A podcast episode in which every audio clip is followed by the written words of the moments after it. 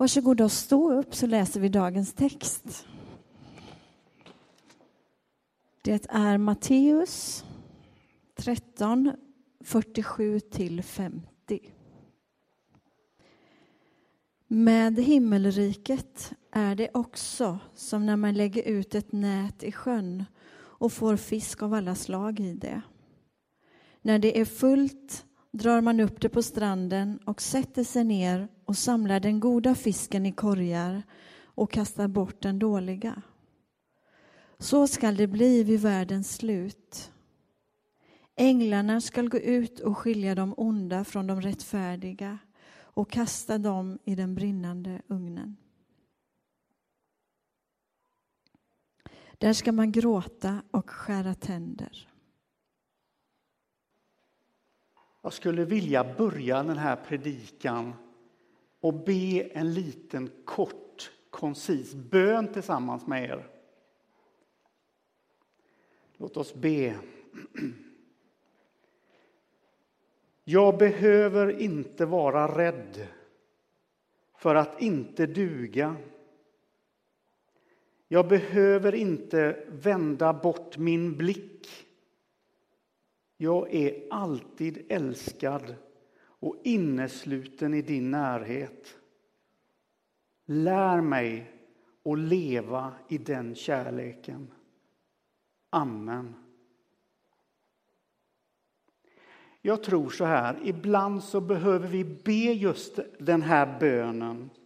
Säga de här orden om blicken, om kärleken och om närheten. Speciellt en domsöndag när texterna är kärva, som Joakim sa inledningsvis. När de kärva texterna kommer. Texter med väldigt målande och dramatiskt innehåll.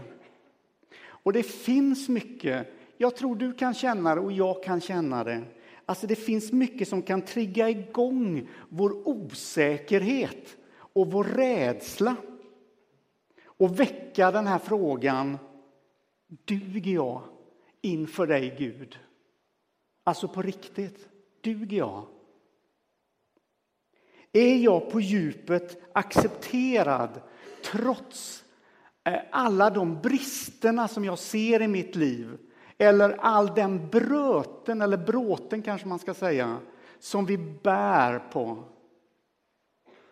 Hur ser du egentligen på mig, Gud? Hon berättade att hon hade trott på Gud och på hans obegränsade kärlek sedan hon var en liten flicka. Men så hände någonting när hon passerade 25. Hon hade börjat reflektera mer över sin verkliga bild av Gud. Vem var han och hur såg han på henne? Och vid ett tillfälle så säger hon nästan lite förundrad och lite överrumplad själv. Egentligen är jag inte, egentligen är jag innerst inne lite rädd för Gud. För jag vet inte riktigt var jag har honom. Hon som sedan söndagsskolan hade lärt sig om den gode hedens kärlek och omsorg. I henne hade det börjat gro en liten diffus rädsla. Och Gud blev för den här helt vanliga tjejen någonting som skapade ett litet obehag inom henne. En rädsla att inte riktigt veta vem han egentligen är. Är Gud en lynnig Gud? En Gud som man inte kan känna sig trygg med? Är det så vi ska se på det? När du är ute och kör bil så har du fått lära dig att hålla koll på den här eh, döda vinkeln. Det, det gör ni, va? Ja, jag hoppas det. För i den döda vinkeln så kan det dyka upp en fara. Det kan dyka upp en motorcykel eller någonting, bara direkt sådär. Va? Ett otäckt scenario. Och låt mig säga det en gång för alla att i Guds rike så finns ingen död vinkel. Det, om, det, om det är det enda du kommer ihåg från den här predikan och du går hem och så säger du till dig själv så här, i Guds rike finns ingen död vinkel. Vi behöver inte vara rädda för att Gud ska komma plötsligt i den döda vinkeln från ett oväntat håll. Liksom så med någon slags lynnighet in där i våra liv. För hur skulle den lynnigheten stämma när vi läser i Saltaren 25 där, det, där Gud beskrivs på ett annat sätt. Där står det så här. Herren är pålitlig och god. Därför visar han syndare vägen. Han leder de ödmjuka rätt. De ödmjuka visar han sin väg. Och så kommer det här. Allt vad Herren gör är nåd och trofasthet. Vad är den döda vinkeln där? Det är domsöndagen idag. Och vi läser texter om Jesu återkomst och domen. Och det handlar ytterst om att vid tidens slut, när Jesus kommer tillbaka, så kommer vi människor att bli ansvariga, ställas ansvariga för våra liv. Alltså ansvariga för hur vi har behandlat varandra, hur vi har behandlat oss själva och hur vi har behandlat den världen som vi lever i. Och här kommer miljön och hållbarhetsfrågorna och en mängd frågor in. Och vad är ett ansvar om du inte har någon att vara ansvarig inför, tänker jag. Att han överhuvudtaget gör det, att han överhuvudtaget ställer dig ansvarig visar att han, be, han bemyndigar dig som människa. Ni vet en, en förälder som aldrig ställer sitt barn till ansvar för, för någonting. Hur är den personens föräldraskap? Frågetecken. Och domen visar att Gud myndigförklarar oss. Att han tar dig och mig på allvar. Och att han tar orättvisorna i världen på allvar. Själviskheten på allvar. Miljöförstöringen på allvar. Allt det här. Så om man tittar i vårt samhälle så ser vi ju det att det här med att vara ansvarig, det, det ligger i hela den mänskliga existensen. Ända från du är liten och går i småskolan och hela livet så är du ansvarig inför något. Och när någonting går fel i vårt samhälle så letar vi direkt på för, för att hitta, eh, vi utkräver ett slags ansvar. Låt oss ta ett exempel bara från sportens värld. I matchen mellan Luleå Hockey och Djurgården så stängdes ju Luleå Hockeys forward Johan Forsberg av sju matcher för han hade gjort en armbågstackling mot Daniel Fernholm. Och han blev ansvarig inför disciplinnämnden för den tacklingen. Sju matcher. Men du kan ju också titta i politiken i riksdagen när du gör någonting fel och du kan hamna som politiker i konstitutionsutskottet för utfrågning. Ni som är lite äldre minns ju Carl Lidboms eh, besök i, i, eh, i konstitutionsutskottet. Eller vi kan bara ta en sån sak som vanlig enkel sak som att vara företagare. Du måste redogöra för dina räkenskaper inför skattemyndigheterna. Det finns liksom ett ansvar. Så är det så konstigt att Gud som har skapat dig och mig ställer frågan, för det är så jag tror att han kommer ställa frågan. Hur förvaltade du förtroendet att vara människa? Hur förvaltade du förtroendet att vara människa? Och när vi möter Jesus Kristus ansikte mot ansikte så är det en seendets dag, läser vi i bönboken. Alltså en dag då mitt liv blir synligt, då mitt liv blir transparent i alla delar. Men, kära vänner, måste jag säga det. Du behöver inte vara rädd. Allt Herren gör är nåd och trofasthet, läste vi. Och nu är det också så här att Gud känner väl till din och min oförmåga att välja rätt, att välja gott. Paulus säger ju också om sig själv att det goda som jag vill, det gör jag inte. Men det onda som jag inte vill, det gör jag. Och det här är ett exempel på människans kluvenhet. Din och min kluvenhet. Min kluvenhet. Lyssna på detta. I Jesus Kristus finns förlåtelse och nåd som räcker för att bära dig hela vägen in i Guds eviga famn. Och han, han kommer aldrig tappa dig på vägen. Han kommer aldrig tappa dig på vägen. När han kommer på skyarna, som vi läser i Bibeln, så kommer rättvisan att segra fullt ut. Då får kärleken full, fullt utrymme. Och det kommer en dag då ondskan kommer att krossas och all fysisk och själslig smärta som vi människor bär kommer rinna av oss i ett ögonblick.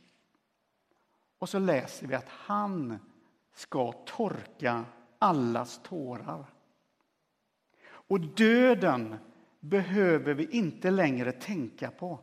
Den har förlorat sin funktion som mur emellan denna tiden och det som kommer. Den rivs i ett ögonblick. Det här är Bibelns tydliga budskap om Kristi återkomst. När jag kommer så ska detta ske. Alltså goda saker. Och den kristna kyrkan har ju ända sedan Jesus lämnade lärjungarna och for upp till himlen så har man väntat på den här dagen då han ska komma tillbaka. Och Jesus säger ju till sina lite upprivna och oroliga lärjungar i sitt avskedstal i Johannes 14 ord som också får landa i oss idag. Och då börjar ju han med detta med oron. Känn ingen oro, säger han. Tro på Gud, tro på mig. I min faders hus finns många rum. Skulle jag annars säga att jag går bort för att bereda plats för er? Och om jag nu går bort och bereder plats för er så ska jag komma tillbaka och hämta er till mig för att också ni ska vara där jag är Hör ni den här relations, hur relationsorienterad Gud är? Jag hör, jag vet inte om det är sant eller det är min fantasi, men jag hör en längtan i de här orden hos Jesus. Att han vill detta. Och det här är dagen då Gud kommer att visa sin gränslösa gästfrihet. För det är så han är, gästfri och öppnande och välkomnande.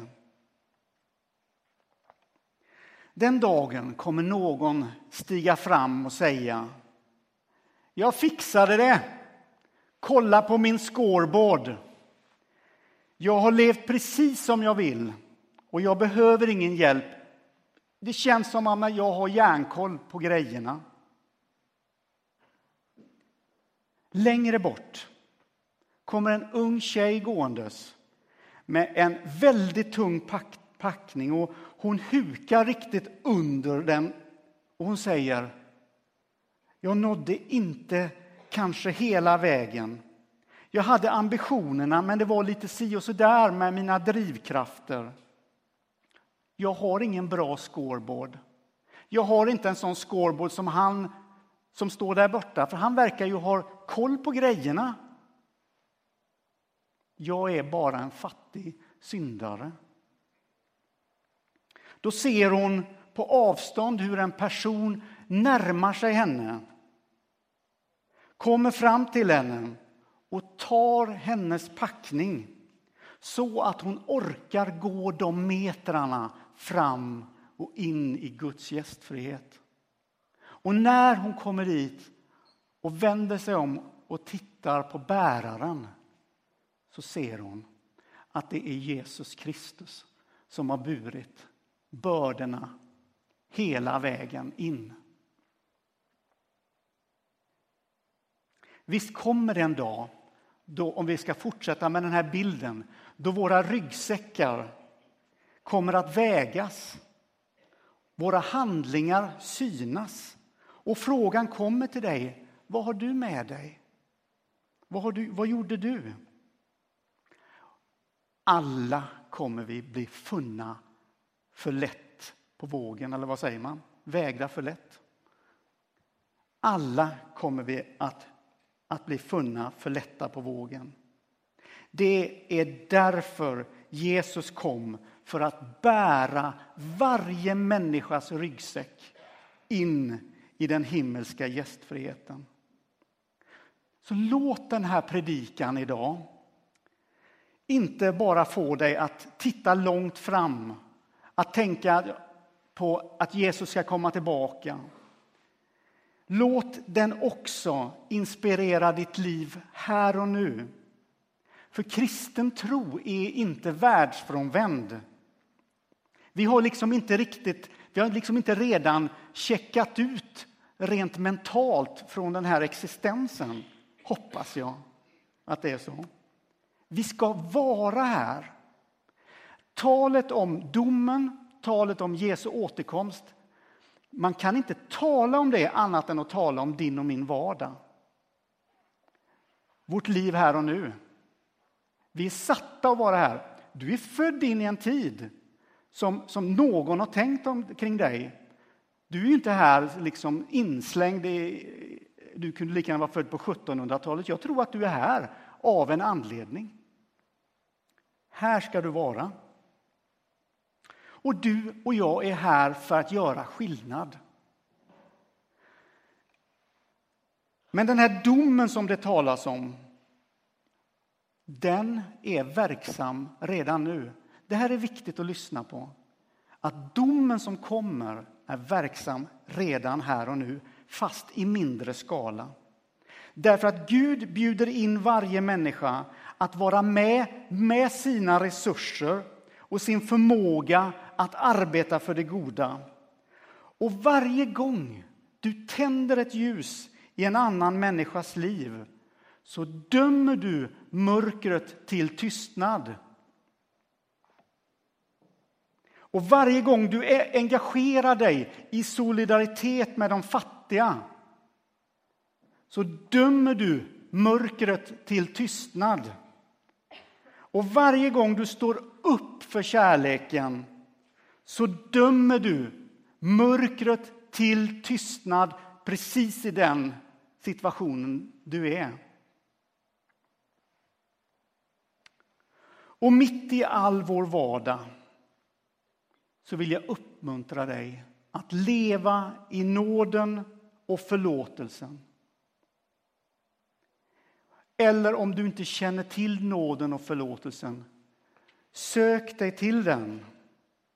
Och du kommer få kraften att gå kärlekens väg trots din tunga packning hela vägen, hela vägen in i den himmelska gästfriheten.